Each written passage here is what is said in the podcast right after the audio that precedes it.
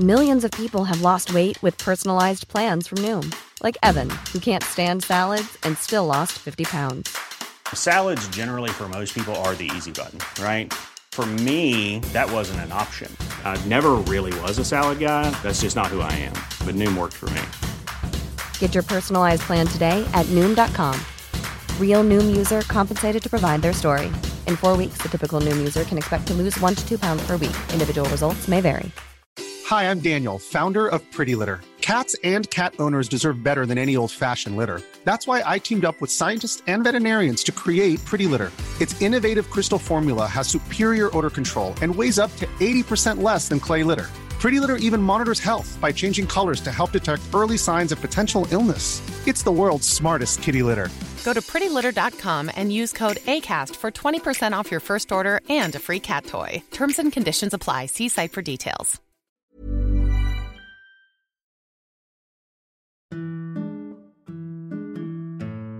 شكون فينا ما عندوش ذكريات متعلقة ببرامج تلفزية بسمة طفولته؟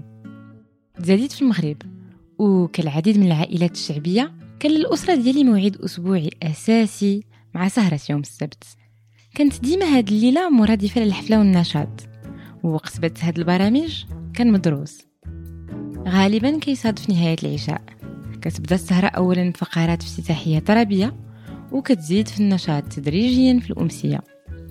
مع ماما كنا أكثرية الوقت. كنسمعوا ال générique والدندنات الأولى للبرنامج من المطبخ فكنا مازال كنجمعوا الأواني الأكل. لكن سرعان ما كيتغير الإيقاع كنجريو للصالون نرقصوا بمناديل التنشيف مازال في يدينا باش ما تفوتنا حتى حاجة. وعلى الرغم من أن هاد اللحظات كانت مصدر للفرحة كبيرة وعفوية إلا وأنني كنتذكر أنها ما كانتش بالمرة موضوع للحديث نهار الاثنين في ساحة المدرسة. وكأن هاد الفرجة والاستمتاع بها لا يباح دوما بالعلن خدعت لما كنا كنعتبروه كمراهقين ذوق مشروع وكتمت هذا الاهتمام لوقت طويل. وما ظنيتش أنه ربما غيجي يوم نتصالح فيه مع هاد الذكريات وخصوصا مع الشيخات. حتى في طفولتها قدرت أميمة تحس إن استمتاعها مع عيلتها بأداء الشيخات الموسيقي في حاجة خلافية. الشيخات هما مؤديات لنوع ثري من الغناء التراثي المغربي فن العيطة. لكن دورهم والنظرة ليهم في المجتمع ليها أبعاد كتير تانية. الشيخات زي ما هنعرف خلال حلقة النهاردة كان ليهم دور سياسي وطني وكانوا عامل تغيير وتحريك في المجتمع. وده السبب إنهم دخلوا في صدام مع قيم مجتمعية بتحكم على فنهم وأسلوب حياتهم. كتبقى الشيخات شخصيات جدلية. ما بين من كيشوفها كتجسد القوة وكيقدر استقلالها وما بين من كيوصمها بالعار لمجرد اختيارها هذه المهنة الفنية وغنائها بحرية بلا خجل ولا رقابة. هاد التناقضات والانفصام المجتمعي بقى كيسألني ومع مرور الوقت لقيت فضولي كيجرني الاهتمام بالتراث اللامادي المغربي وبهذا النوع من الغناء. لغاية ما اكتشفت فرقة شابة كتستوحي من وجود الشيخة لتقديم عروض موسيقية فريدة من نوعها. فرقة كبار الشيخات. في حلقة النهاردة فرقة كباريه الشيخات. شباب قرروا يحيوا تراث موسيقي عنده إرث مجتمعي مختلط. تراث بيحمل تاريخ وبطولات وكمان رفض وانتقاد. وفي رحلتهم مروا بتجربتهم الخاصة في تحدي المجتمع وعملوا اختيارات مثيرة للجدل. كانوا من خلالها بيحاولوا يفضلوا مخلصين للفن اللي حبوه. ولشخصية الشيخات اللي ألهمتهم لتحدي الحدود اللي بيفرضها المجتمع. أنا هبة عفيفي وده برنامج مسافات. منتجة حلقة النهاردة أميمة إسكري أجراي. اللي بتبقى في الشارع وكده. العلاقة الجميلة اللي كانت ما بين حكاياتنا نحن وعالمنا. الفلسطيني كانت حدث مبهر. وقصص وصلنا إلها. بفضولنا الشخصي. كانت حدث مهم. بس بصوتنا ورؤيتنا. كل نواحي القصة مسافات. مسافات مسافات مسافات برنامج مسافات. قصص يقودها الفضول. من إنتاج شبكة Kerning Cultures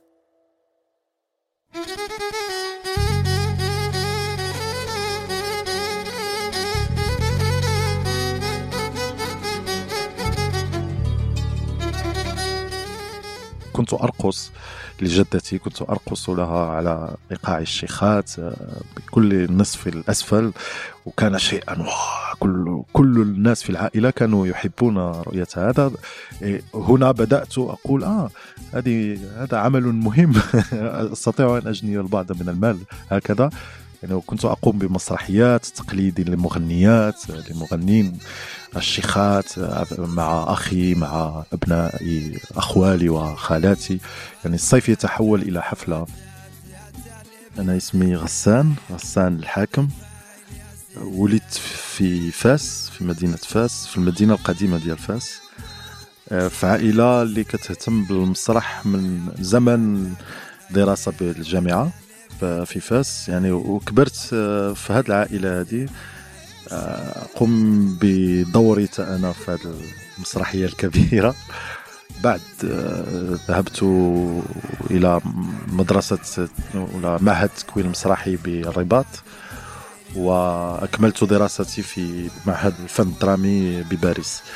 أتممت دراسات أخرى في ولكن دائما حول المسرح حول تاريخ المسرح في المغرب. غسان الحاكم رائد مؤسس كبار الشيخات. أول مرة اكتشفت فيها أعمال غسان كانت في عام 2011 من خلال فيديوهات فنية ملتزمة سياسيا وسخرية كان كيشاركها على اليوتيوب. هكذا بديت كنتابعو على مواقع التواصل الاجتماعي وكنكتشف مستجداته اللي كينشر. فتابعت عن بعد الأعمال المسرحية اللي خرج وتعرفت على عرض كبار الشيخات. في هذا العرض اللي كيمزج ما بين المسرح والغناء. 11 فنان اللي كيكونوا الفرقة كيستطيعوا يفاجئوا الجمهور بحلتهم وقفاتينهم في كل الألوان. منهم ما نختار نموذج تقليدي مطروز بتفاصيل كتلمع والبعض الآخر اختار تصميم الفراشة أو قميص فضفاض كيحس فيه براحة أكثر. المهم كل فرد من الأفراد بآلته الموسيقية بين يديه وبشعره المستعار مثبت فوق راسه كيتحول ويجسد شيخة. فكل منها ورقصها وحركات جسدها وإيقاعه. هكذا كيقوموا عبر هذه الفراجة أو الفرجة أي هذا الشكل من العرض بإعادة إحياء أغاني من التراث ومصطلحات الجيل الجديد معه. ثم بين الأغنية والأخرى كيخفضوا صوت العزف باش يشاركوا الجمهور قصص أحداث تاريخية غير متوقعة وإعطاء سياق أكثر حول بعض القصائد. هكذا كتناوب الفرقة ما بين أغاني مندثرة وريبرتوار أكثر متداولة فكيردد معها الجمهور بصوت واحد. القافيات اللي بلا شك كل المغاربة كيعرفوها. وهذا الأمر هو اللي رجعني لطفولتي وأعاد طرح بعض الأسئلة عندي. كيف ممكن نشرحوا هذا التناقض ما بين الميول للعيطة كفن وتجنبها في نفس الوقت؟ لأي مدى الناس بصح كتعرف الشيخات وموسيقى العيطة؟ واش ممكن اللي فرق بمنهج مختلف وجديد تعتبر امتداد لعملهم وتكون إقرار بأهميته التاريخية والفنية وصورة من صور الامتنان لدى الجيل الجديد. هاد الأسئلة كلها قاتني عند كبار الشيخات باش نبحث على إجابة محتملة. قررت نتصل بغسان ونقترح عليه نلتحق بالفرقة خلال تدريبها للعرض الجاي وهكذا نتعرف أكثر على العمل ديال كبار الشيخات. وهذا ما كان. التحقت بالفرقة في فضاء لا باراليل وهو منزل زوين بقلب مدينة الدار البيضاء تحول إلى مركز فني. فغرف البيت تغييرات وتحولات لمسرح الجيب واستوديوهات تسجيل وقاعات لورش عمل فنية. كتقام بها أيضا دروس لتعليم الدارجة المغربية. وعلى الحيوط هنا وهناك كنلقاو ملصقات أفلام وكولاجات إبداعية. ذاك النهار بالضبط كان الطقس زوين. وقررنا نجلسوا على الشرفة في سطح المنزل باش نقدر أنا نتبع التدريبات ونجري المقابلات في نفس الوقت. كلا وعلامها الخيل هذا كنزول وبابا سيدي خلي له سيلونس حمزه هذا كنزول وبابا سيدي كان عندي. وأهلي وأهلي يا سيدي صاحب عاودو. Waiting.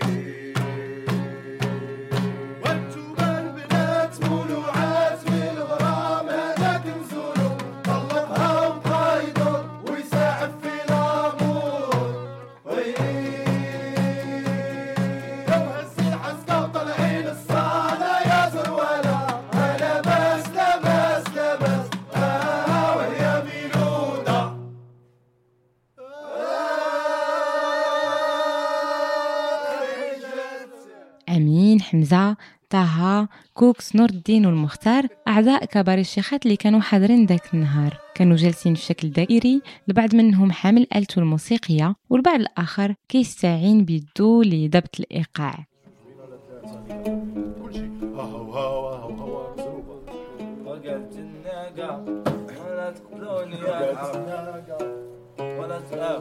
وقلت الناقة ولا ولا الناقة ولا تلوموني يا العار ولا تقتلوني يا يا جهالة. لا يا جهالة. وقلت الناقة وقلت الناقة وقلت الناقة وقلت الناقة ويا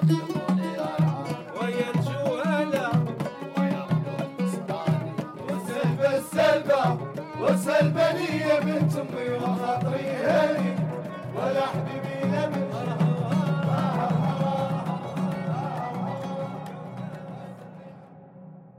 ترترنا شوية قبل التدريب والشيء اللي أدهشني هو معرفتهم التاريخية بفن العيطة. كل أفراد الفرقة مولوعين بالموضوع. هذا النمط الغنائي اللي شيئا فشيئا مهدد بالاختفاء واللي كيتميز بأسلوبه المتحرر اللي طالما استخلص مواضيعه من الحياة اليومية للشعب وقدر يرتبط بأفراحه وبمآسيه. في آخر عرض كنت حضرت ليه الكبار الشيخات كان من قبل خمس سنوات بمدينة الدار البيضاء. الحفل كان تنظم في قبو سفلي صغير لمطعم في وسط المدينة.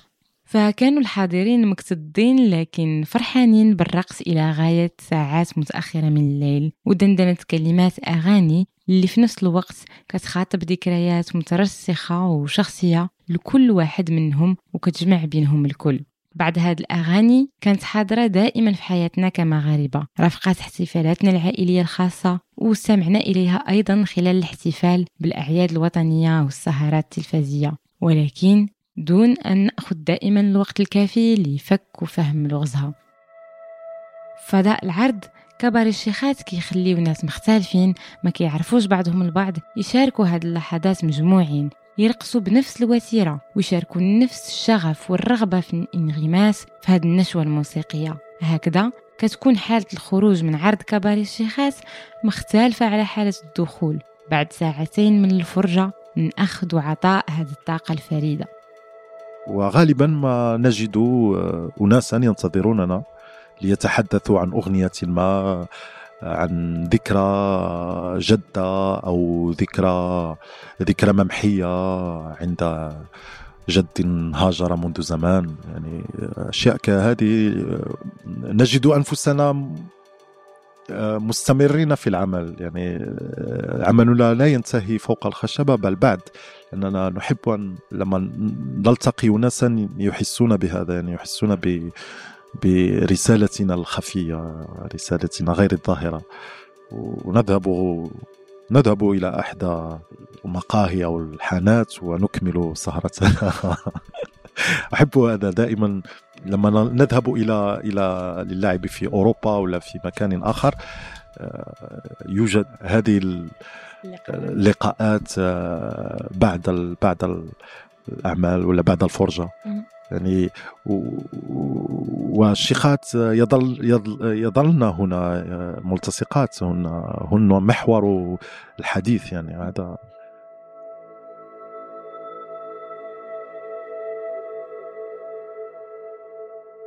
فوق الخشبة يتم عكس الأدوار وكتخلق مساحة ربما لقول ما لا يمكن قوله في سياقات أخرى. اختيار اسم كبار الشيخات بطبعه طريقة لاحتفال بتلك الفنانات الفريدات الشيخات. هاد النساء ذات الصوت القوي والهبة الخاصة. لكن هاد الكلمة كتجسد تناقضات عدة وباقي كثير الجدل في المجتمع المغربي. لازم هنا نوضح حاجة. استخدام كلمة شيخة في السياق المغربي مختلف عن معنى الكلمة في منطقة الخليج وبلاد عربية تانية. كلمة شيخ في أغلب السياقات العربية بتنم عن الاحترام. في الأصل اللغوي هي بتشير لشخص كبير في السن ويمتلك الحكمة. بتستخدم كلقب قبلي زي شيخ القبيلة أو لقب قيادي ديني. لكن في صيغتها الأنثوية في السياق المغربي كلمة شيخة ليها رمزية مختلفة تماما. محاولة احتقار تسمية الشيخة بدأ وقت الاحتلال الفرنسي. بسبب إن الشيخات غنوا للمقاومة والاستقلال ربطت السلطات الفرنسية اسمهم بالدعارة وبدأ التصنيف ده يقوى مع موجات الهجرة للحضر واللي من خلالها بدأت ستات تغني في البارات والنوادي الليلية. مع الوقت بدأ يحصل خلط وأطلق لقب الشيخة على مغنيات بتغني ألوان شعبية مختلفة مش بس العيطة. واتطور استخدام اللقب وأصبح بيشير بشكل عام للأشخاص اللي على الهوامش أو خارجة عن الأعراف المجتمعية. في ذكريات طفولتي مثلا بعض التعابير كتشير للاستخدام السلبي لهذا المصطلح ديال الشيخة. فمثلا الملاحظة الشريرة مالكي دايرة بحال أو عاملة مثل الشيخة تستعمل لانتقاد شخص كيضع الكثير من المكياج أو الملابس اللي تقدر تثير الانتباه إلى خرجت على شنو حنا معتادين عليه. لكن أكيد أن قوة موسيقى العيطة ودورها لا علاقة له بهذه الأحكام. شي شيخة من خلاف بخلاف اللهجة المغربية فيها كلمات شريفية. آه، يعني من من كشخصية مهمة في المجتمع لأنه ما كتكونش شيخة إلا إلا ما واحد مراحل مهمة آه، في التكوين ديالها في, الميدان الفني اولا من من راقصه إلى كوريست إلى هذا حتى كتصبح يعني شيخة أساسية كما كيمكن هذا توضيح الأستاذ إبراهيم المزند خبير وفاعل في الميدان الموسيقي اللي قام بإدارة وإصدار العمل التوثيقي أنطولوجيا العيطة واللي يهتم بتسجيل عدد من رائدات ورواد هذا الفن لتمثيل كافة أنواعه وبالتالي المساهمة في إحياء هذا التقليد والحفاظ عليه. حبيت نسأل أيضا أعضاء كبار الشيخات على شنو كتمثل بالنسبة لهم كلمة الشيخة؟ واش وكيفاش تطور تصورهم للشيخة منذ التحاقهم بالفرقة؟ بالنسبة لي أنا الشيخة آه، اولا الشيخ هو هو واحد الإنسان اللي اللي تينظم الكلام أو أو كنقولوا شاعر. تيوصف عبر الشعر ديالو تيوصف آه، الحياة اللي كان كيعيش آنذاك. من الجانب آه، الاجتماعي أو من الجانب السياسي أو من من الجانب الفني اللي متشبع به. هذا نور الدين فرد من كبار الشيخات اللي أخذ دور الكمانجي أو عازف آلة الكمان شيء اللي خلاه يغير سريعا ملابس الشيخة في الكباري ليتقمص دور الرجل لأنه في غالبية فرق الشيخات كيبقى هذا الدور الذكوري. نور الدين شرح لي المهام اللي كانت كتأديها الشيخات. كان هذاك الشاعر آه، هو اللي هو الناطق الرسمي باسم القبيلة. كان هو اللي كيتكلم مع الحاكم ديال البلاد أو المسؤولين عن البلاد هو اللي تيحكي آه عن عن المعاناه ديال الشعب. أو القبائل كي كيوصل الاحتياجات ديالهم ديال الشعب الحاكم. فبالنسبة لي الشيخة كانت كتقوم بنفس الدور عندنا هنا في المغرب. من بين مهام الشيخة الأخرى أخبرني نور الدين أن توصيل الرسالة ونشر المعلومات أدوار أخرى كتقدر الشيخة تلعبها. أه حتى التطور ديال ديال le style style ديال اللباس أو لا أو لا. كما كان قال لي أمين أو لا ديال الاثاث المنزلي وهذا كانت الشيخه هي اللي كت هي اللي كتبارطاجي كتشارك هاد هاد المعلومات. لانها بحكم أنها كتدخل الديور آه، كتغني ولا كتنظم الكلام في قصورها الشيخة اعتادت أن تتداول على منازل البشوات والعظماء في البلاد. الشيء اللي خول لها أنها تكون قريبة من أصحاب القرار. يمكنها تنقل المعلومات من جهة لجهة أخرى وكتعرف أخبارهم ومستجدات بيوتهم وهذا الاحتكاك كيخليها تطور ذوقها وتفهم في الموضة وتشارك نصائحها من حولها خصوصا ما بين متعلمات بجانبها اللي كيطمحوا أن يصبحوا شيخات يوما ما. نقدروا إذا نشبهوا هذا الدور أيضا بالمؤثرة الاجتماعية في وقتها. الشيخة مؤدية لأغنية العيطة لكن كتلعب أيضا في النهاية وظائف اجتماعية كتجاوز المجال الفني. بعد الفاصل هنتكلم عن أصول فن العيطة اللي طلعت من رحم المعاناة والتكاتف الاجتماعي. رجعنا. الشيخات اشتهروا بغناء فن العيطة. وقبل ما نعرف أكتر عن النوع الغنائي والشعري ده خلينا نعرف اسم العيطة جه منين. بتقول الأسطورة إن زمان حصلت حملات في مناطق في المغرب اتخطفت فيها بنات من قرى وأمهاتهم كانوا بيبكوا ويصرخوا. وبدأوا أهل القرية يتجمعوا حواليهم ويصرخوا هم كمان تضامنا مع ألمهم. وعشان كده يقال إن مصطلح العيطة بيرجع للطقوس دي. نكمل مع أميمة. تعرفنا شوية على دور الشيخات وعلى أصل العيطة. خليونا دابا نتعرفوا أكثر على تجربة أفراد فرقة كبار الشيخات الخاصة ووسائلهم لأداء هذا الفن وتقمص دور الشيخة هذا النموذج الأنثوي المثير للجدل خاصة وأن اختيار الفرقة لارتداء ملابس نسائية والماكياج مثل الشيخات خارج على ما كيعتبر المجتمع اختيار سليم. وأول شخص غنسمعوه هو داي محمد الملقب بكوكس. قبل ما يهتم بالمسرح ويلتحق بالمعهد كوكس كان مهتم برقص الشارع ال break dance. لمدة طويلة مارس المسرح كهاوي بالموازاة مع العمل ديالو قبل ما يقرر يتفرغ ليه. كوكس الوحيد في الفرقة اللي منحدر من عائلة سوسية أمازيغية. وبالتالي البيئة اللي ترعرع فيها ما كانتش حاضرة فيها العيطة بشكل كبير بل كبر على موسيقات الرويس والرايسات. وهم أيضا مغنيين ومغنيات لنوع آخر من التراث الموسيقي المغربي. وبالتحديد الأمازيغي من مناطق سوس في جنوب المغرب. اول واحد درت تجربة المكياج في الفرقة. أنا نيت في المكان هذا وفي ديك الأمسية مشيت تلاقيت بالأم ديالي وقلت لها راه كنوجدوا مسرحية جديدة وريتها شي صور. قلت لها غادي نلعب دور واحد الشيخة. شفتو حيت لبست القفطان المغربي ومكياج.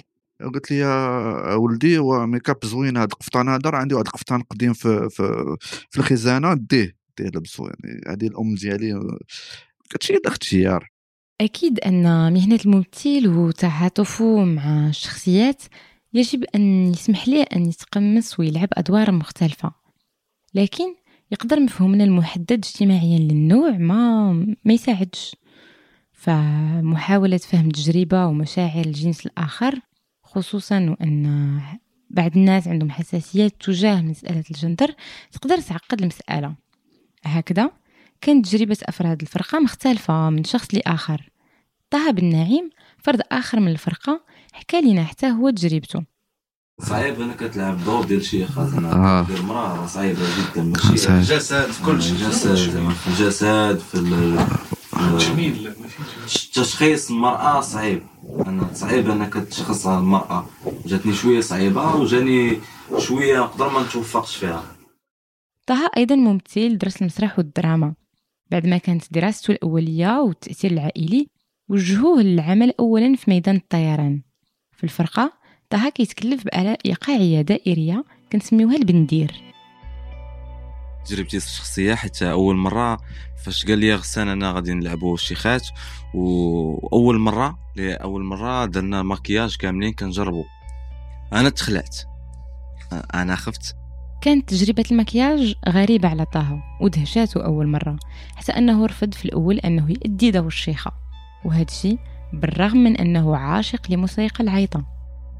فاش اقترح لي غسان هاد الفكرة هادي بقيت نفكر مع راسي وعرضت في الأول ولكن من بعد قلت أنا ناخدو بحال آه، شنو نقولوا لي عن عن ديفي تحدي تحدي مع راسي ونشوف نجرب راسي واش غادي نقدر بلغة الدارجه نزطط في هادشي ولا ما نزططش فيه؟ ننجح فيه ولا ما ننجحش فيه؟ والحمد لله يمكن نجحنا في هادشي. حسب البيئة اللي عاشوا فيها وقصتهم الشخصية تجاوب الأفراد كان مختلف.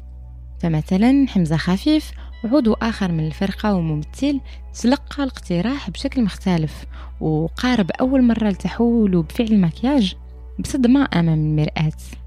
أنا vraiment نهار اللي درت آه، بصح نهار درت الماكياج النهار الأول حسيت بواحد ال ch- ال choc كان ما بين ما بيني وبين المرايه فاش شفت راسي في المرايه حيت normal ما عمري درت ال make up فاش درتو كنقول واش أنا ولا ماشي أنا؟ هذا هو هو ال- السؤال اللي كان عندي في راسي النهار الأول اللي درت فيه الماكياج ال make up.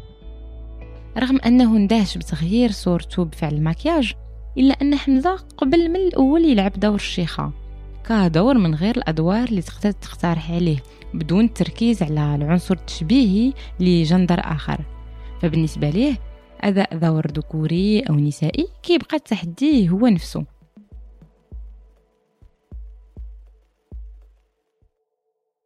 الفكرة كنلعب أنا مراه ولا شي حاجة ما كانش عندي مشكل أصلا من من الصغر ديالي ما كانش عندي مشكل مع سواء مراه سواء راجل ما, عرفت واقيلا حيت أنا كبرت شوية في واحد الكارتي اللي حي شوية ماشي شعبي بزاف مي أنا كبرت وسط العساكر في في حي ديال العسكر.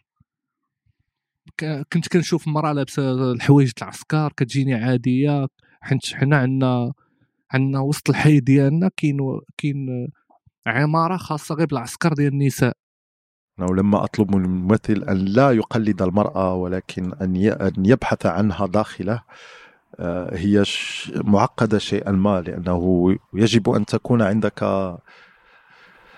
آه، في رأسك فكرة أنك لست رجلا فقط بل رجلا وامرأة.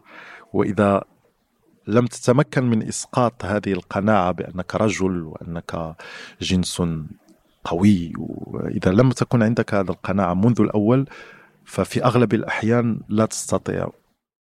لكن إلا رجعنا للتشبيه أو القيام بارتداء الزي وأداء دور نسوي بالنسبة للرجال فهاد العملية ماشي دخيلة تماما على العيطة أو حتى على بعض الطقوس في المجتمع.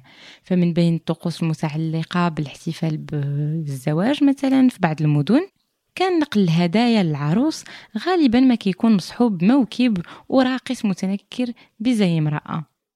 كيف كينشط مع الناس كيضحك معاهم بطريقة سواء رقص سواء حكايات اللي لابس مراه كتلقاه لا- لعب الهرنونية اللي لعب نفس ال...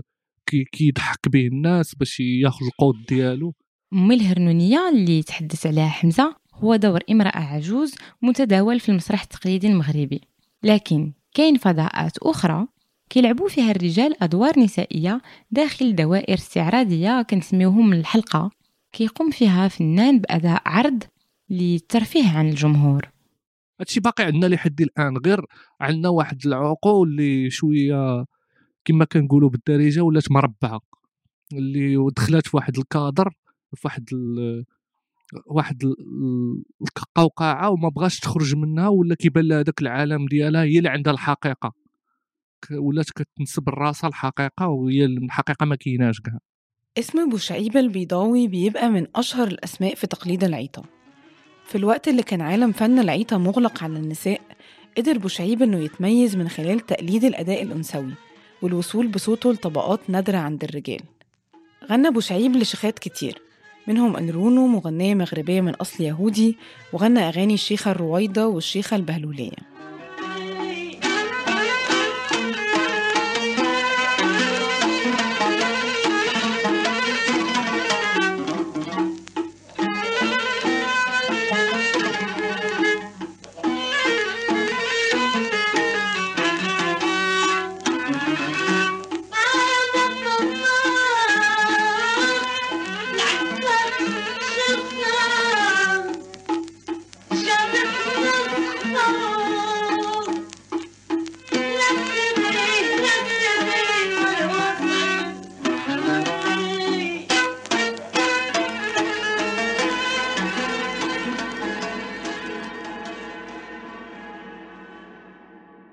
في الحفلات اللي كتحييها الفرقة واللي كيقرروا يدرجوا فيها أغاني لبوشعيب البيضاوي غالبا ما كيتكلف أمين ناوني بهذا الدور. فكيستطيع في العرض أن يمر بسلاسة من الحكي وأداء دور بوشعيب البيضاوي للشيخة وردة في قفطانها الأحمر وبهجتها المعروفة على الخشبة. بجانب كبار الشيخات كيترأس أمين فرقة جوق التمثيل البيضاوي. واللي كيقدم فيها بجانب غسان وأعضاء آخرين من عمل كبار الشيخات ولكن أيضا مسرحيات مختلفة أخرى. فاشرح لنا أمين شنو كان كيميز صوت بوشعيب البيضاوي. كتلقى ديما في واحد القبيلة واحد الراجل اللي كيكون كيغني بحال الشيخة. كيوصل الطبقات ديال الشيخة كيغني الكلام بحال ديال الطبقات الصوتية ديال الشيخة كيوصل ال- الخامة ديالها واخا هو ما يقدرش لأنه الطبقه ديال الرجل مختلفة على الطبقة ديال المرأة. الصوت هذه معروفة تقنيا الصوت ديال المرأة ماشي هو الصوت ديال الراجل لأن التركيبة ماشي هي. ولكن كيمشي كيديباسي كي كي كيتحدى صوته وكيتحدى حتى المجتمع. بوشعيب البيضاوي استطاع أن يحظى بتقدير الجمهور وباقي لحد الآن ذكراه خالدة عند الشعب المغربي بحيث أنه استطاع في بداية سنوات الاستقلال مستعينا بالمسرح وروح الدعابة أن يعطي حلة جديدة لغناء العيطة كإدخال آلة العود للعيطة وعصرنتها مع الوقت اللي مضيت مع فرقات كبار الشيخات فهمت أن فعل التنكر كيسمح بإحياء على الخشبة القوة الفنية للنساء. كيف ما تألق في العملية بوشعيب البيضاوي. ولكن أيضا كيمكن من استحضار طاقتهم الباطنية اللي بفضل الأدوات كالصوت والكلمات كتستطيع أن تجسد قوة سياسية أيضا قادرة على التأثير والتحفيز. رغم وجود قاعدة جماهيرية وفية لفرقة كباريه الشيخات بس كانوا كمان بيواجهوا انتقاد كبير. وتعليقات عنيفة على مواقع التواصل الاجتماعي بسبب إحيائهم فن العيطة وبالذات بسبب اختيارهم إنهم يلبسوا ملابس نسائية لتجسيد الشيخات. حيت قبل في كبار الشيخات فاش تعرفات كان كان كان شوية السب والشتم ديال هاد الناس اللي آه، تيلعبوا آه، هادو هادو رجال كيلعبوا نساء وما خصهمش يلعبوا نساء وحكا دايرين هكا آه، موراها جاو تفرجوا شي وحدين. يمكن فهموا. حتى أنا تلاقيت بجوج قال لي أنا من الناس اللي اللي عايرتكم في موقع التواصل الاجتماعي واحد من مواقع التواصل الاجتماعي عايرنا ولكن كاين بزاف الناس ياخذوها بكلمة قدحية كلمة قدحية ماشي كلمة زوينة أنا الشيخة كتغني في الملهى ليلي ولا كتغني في في بلايص خايبين كنظن أنا كبار الشيخات يمكن وصل هاد هاد الرسالة لهاد لي جون هادو. لأن قبل آه، فهم أن الشيخه ماشي واحد الكلمة خايبة. أظن في المسرح المسرح يشعل هذه الصراعات داخل الممثل. وإذا كان صادقا فيشعل هذه الصراعات أيضا لدى المتفرج. آه، وأظن أنه تم الإشعال الكثير من الحرائق داخل انفس آه، الكثير من الممثلين الذين حاولوا مجاراة هذا الإيقاع. الصراعات اللي بيتكلم عنها غسان اللي بيقدر المسرح إنه يشعلها شبيهة بقدرة مؤديات العيطة على تحريك المشاعر والثوابت كمان. ومن الناس اللي قدرت تعمل كده واحدة من رموز العيطة فاطمة بنت الحسين. ما بين الأصوات النسائية الخالدة اللي خلات مكانتها في العيطة ممكن نذكروا فاطمة بنت الحسين اللي تزادت في الثلاثينات في منطقة سيدي بن تابعة لدكالة عبدة. ورغم رفض عائلتها لممارسة هذا الفن إلا أن إصرارها وعزيمتها خلاوها تتفوق في هذا الأداء وتعرف الشهرة في البلاد.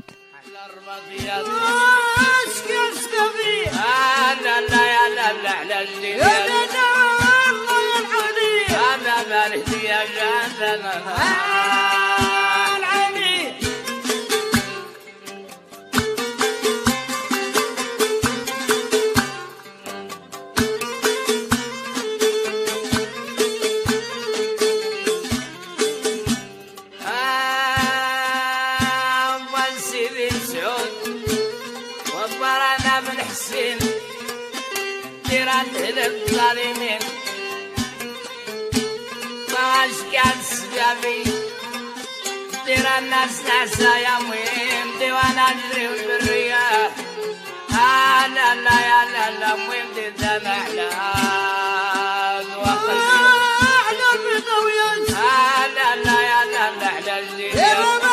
شي دكوني انت هذا برد يا جاندنا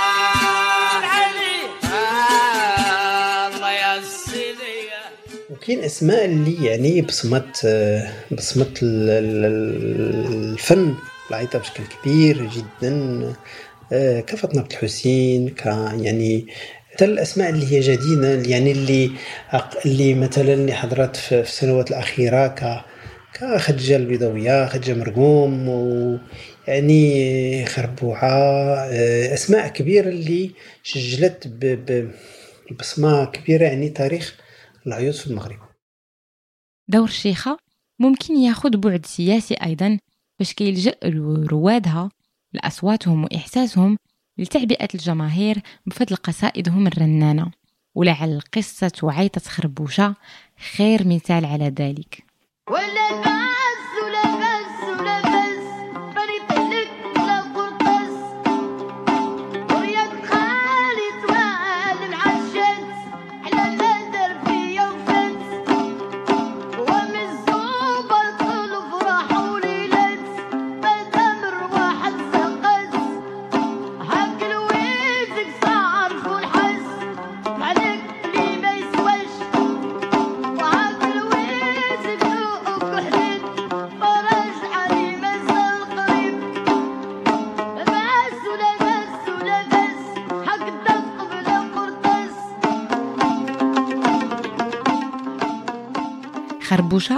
رمز للشيخة اللي تحدات السلطة بطريقة رهيبة. قدرت بصوتها وكلماتها تحشد قبيلة ولاد زيد. ففي نهاية القرن التاسع عشر أمر عيسى بن عمر قائد قبيلة مجاورة بنهب بولاد زيد بعد وفاة السلطان مولاي حسن الأول. وفي هذا السياق غنت خربوشة وطالبت بالثورة ضد عيسى بن عمر وشجعت الشعب على النضال. الأمر اللي أدى للممات ديالها بحيث أن القائد آمر أن تقتل معلقة على الحائط وأضرمت عليها النار لكن أسطورتها ما ماتتش. وذلك على الرغم من اختلاف النظريات حول حقيقة وجودها وتفاصيل قصتها. إلا أن خربوشة كتجسد في النهاية مثال الشيخة القوية اللي ما كتقهرش.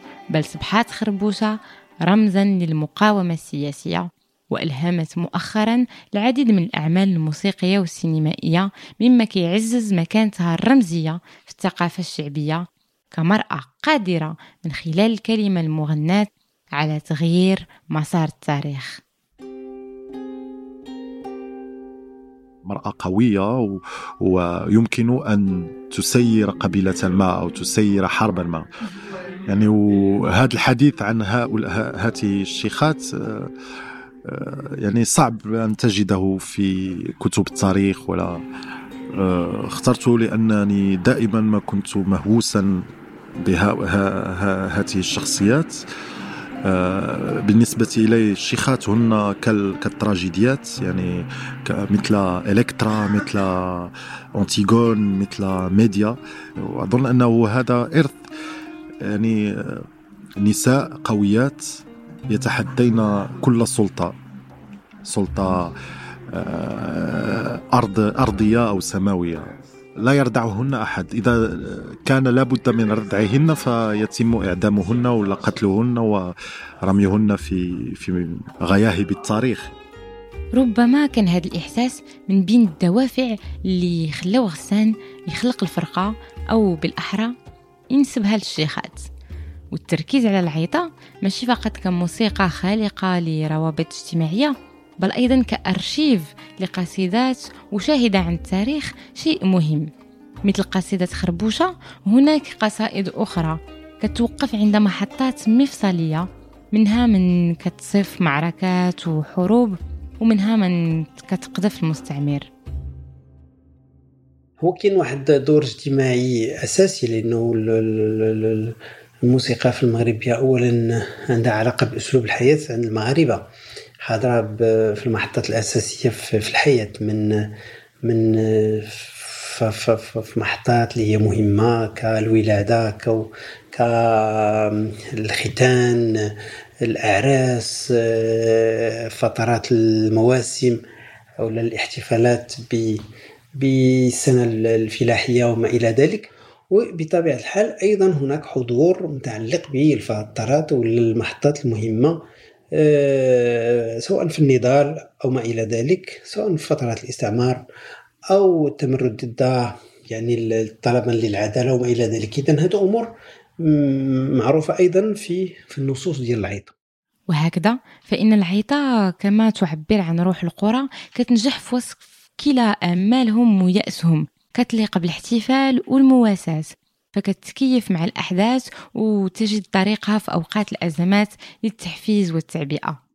فن العيطة وأداء الشيخات أكثر. فن العيطة يمكن أن يكون فنا موسيقيا محضا لكن أداء الشيخات هو أداء مسرحي في كثير من ال لافونغارديسم في لافونغارد يعني في كثير من الطليعيه ولا لا أدري كيف آه يعني في وعي سياسي خطير. وهذا هو بحثي الجديد والبحث ديال كبار الشيخات الجديد هو أن نحاول أن نجد هذا هذا هذه الحكاية وهذا السرد عن معارك أخرى عن وجهة نظر المغاربة أمام هذا الغزو غزو الذي ليس فقط عسكريا بل غزو لل للأفكار غزو تغيير لطريقة العيش تغيير لحسن النية. هذا الحديث مع غسان خلاني نتخيل هذا العمل البحث واختيار الأغاني اللي كيرغبوا يقوموا به في فرقة كبار الشيخات. بحال الخدمة ديال شي عالم آثار شغوف بالحفريات اللي بفضل البقايا وقطع البازل كيلقى وكيساهم فك لغز التاريخ وتوضيح الصورة أكثر. واحدة من الكنوز المخفية اللي كتستعد الفرقة للكشف عنها على خشبة المسرح هي قصيدة الشجعان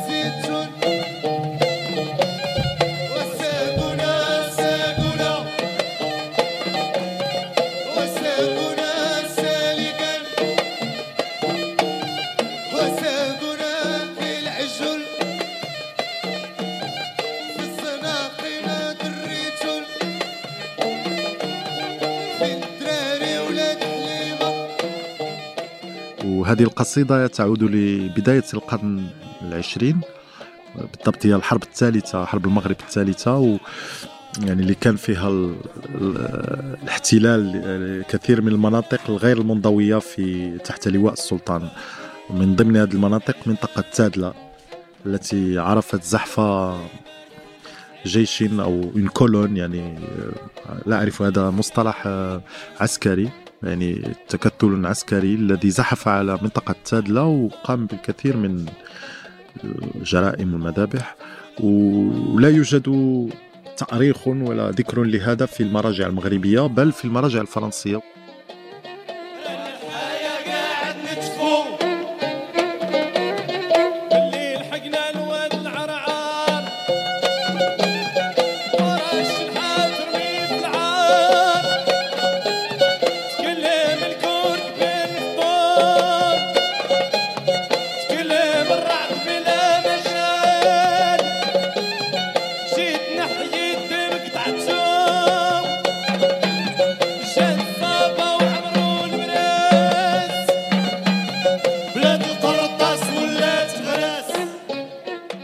وهذا في الأغنية موجود. يعني لما سمعت هذا وقمت بالبحث آه، عن هذا هذا الحكي الموجود في الأرشيف الفرنسي ومقارنة النسختين وهناك تطابق عند أحد الضباط آه، هذا يثير أكثر اهتمامي بهذا الفن لأنني أظن أن هناك العديد من الأغاني التي اختفت التي اندثرت أو ليس اختفت بل تخفت. يعني هذا الكلام حور أو آه، غني آه، يعني تم غناؤه بطريقة محرفة لحتى لا يسمع. ولكن لا وجود لأي أثر حول آه، ضحايا المغاربة العدد عددهم آه، من هم آه، من أين جاءوا آه، ولما كيف قاموا ب يعني طريقة قتالهم. لا يوجد ذكر لهذا إلا في بعض الاغاني العيطة. هكذا كتمكن كلمات قصيدة الشجعان من توضيح كل بعد سياسي اللي يمكن أن تتخذه العيطة. هذه الموسيقى اللي تمثل مرآة لأرواح الشعب كاشفة ومهيجة لمشاعره. هكذا ساهمت العيطة في أرشفة معارك ومحطات تاريخية مهمة وتمكنت من الحفاظ على جزء من ذاكرة المغاربة. أظن أن مكانتها لم تتغير. هي دائما بفعل قوتها موجودة. هذا بحد ذاته آه، لا يمكن إهماله. لا يمكن دائما القول بأنه الموسيقى التراثية هي موسيقى في طور الانقراض هذا خطأ لأنه ما دام هناك إنسان واحد يغني هذه. هذه الأغاني فلن تموت لن تنقرض. العيطة جسر للحكي عن هذا الحوادث. العيطة يعني تو- توقظ هذه هذه الذاكرة. لما تفهم الكلمات. إعادة غناء هذه الكلمات اليوم بالنسبة للكثيرين وسيلة لرفع الستار عن جزء منسي أو غير معروف من التاريخ. بإعادة إحياء هذا التراث كتقوم فرقة كبار الشيخات بمصالحة الجيل الجديد مع جزء من هويته. فبالغناء كنتذكروا وبالتذكر كنفهموا المزيد وبالفهم كنشفاو كنشفاو باش نتمكنوا من الماضي قدما.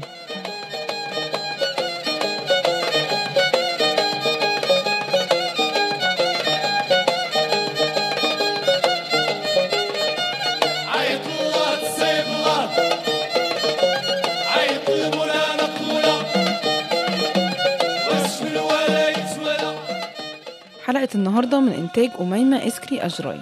تحرير ألمع عنتبلي وأنا هبة عفيفي. مونتاج صوتي أماني عادل. تصميم صوتي بول ألوف يوسف دوازو ومنذر الهاشم. تدقيق حقائق إيمان الشريف. تصميم جرافيكي أحمد سلهب.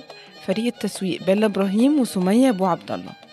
إذا عجبتكم الحلقة يا ريت تشاركوها مع أصحابكم خاصة اللي لسه ما اكتشفوش عالم البودكاست. وتعملوا اشتراك في قناة البرنامج على أي منصة بودكاست بتستعملوها. وتعملوا تقييم للحلقة ده هيساعدنا كتير إن ناس أكتر تلاقينا. وإذا حابين تدعمونا عشان نقدر نستمر في إنتاج حلقات زي دي روحوا patreon.com slash kerningcultures وإذا حابين تشوفوا تفاصيل أكتر وصور من كواليس الحلقة روحوا على حسابات Kerning Cultures على مواقع التواصل الاجتماعي. برنامج مسافات من إنتاج شبكة Kerning Cultures شكرا للاستماع وهنشوفكم في حلقة جديدة كل يوم جمعة.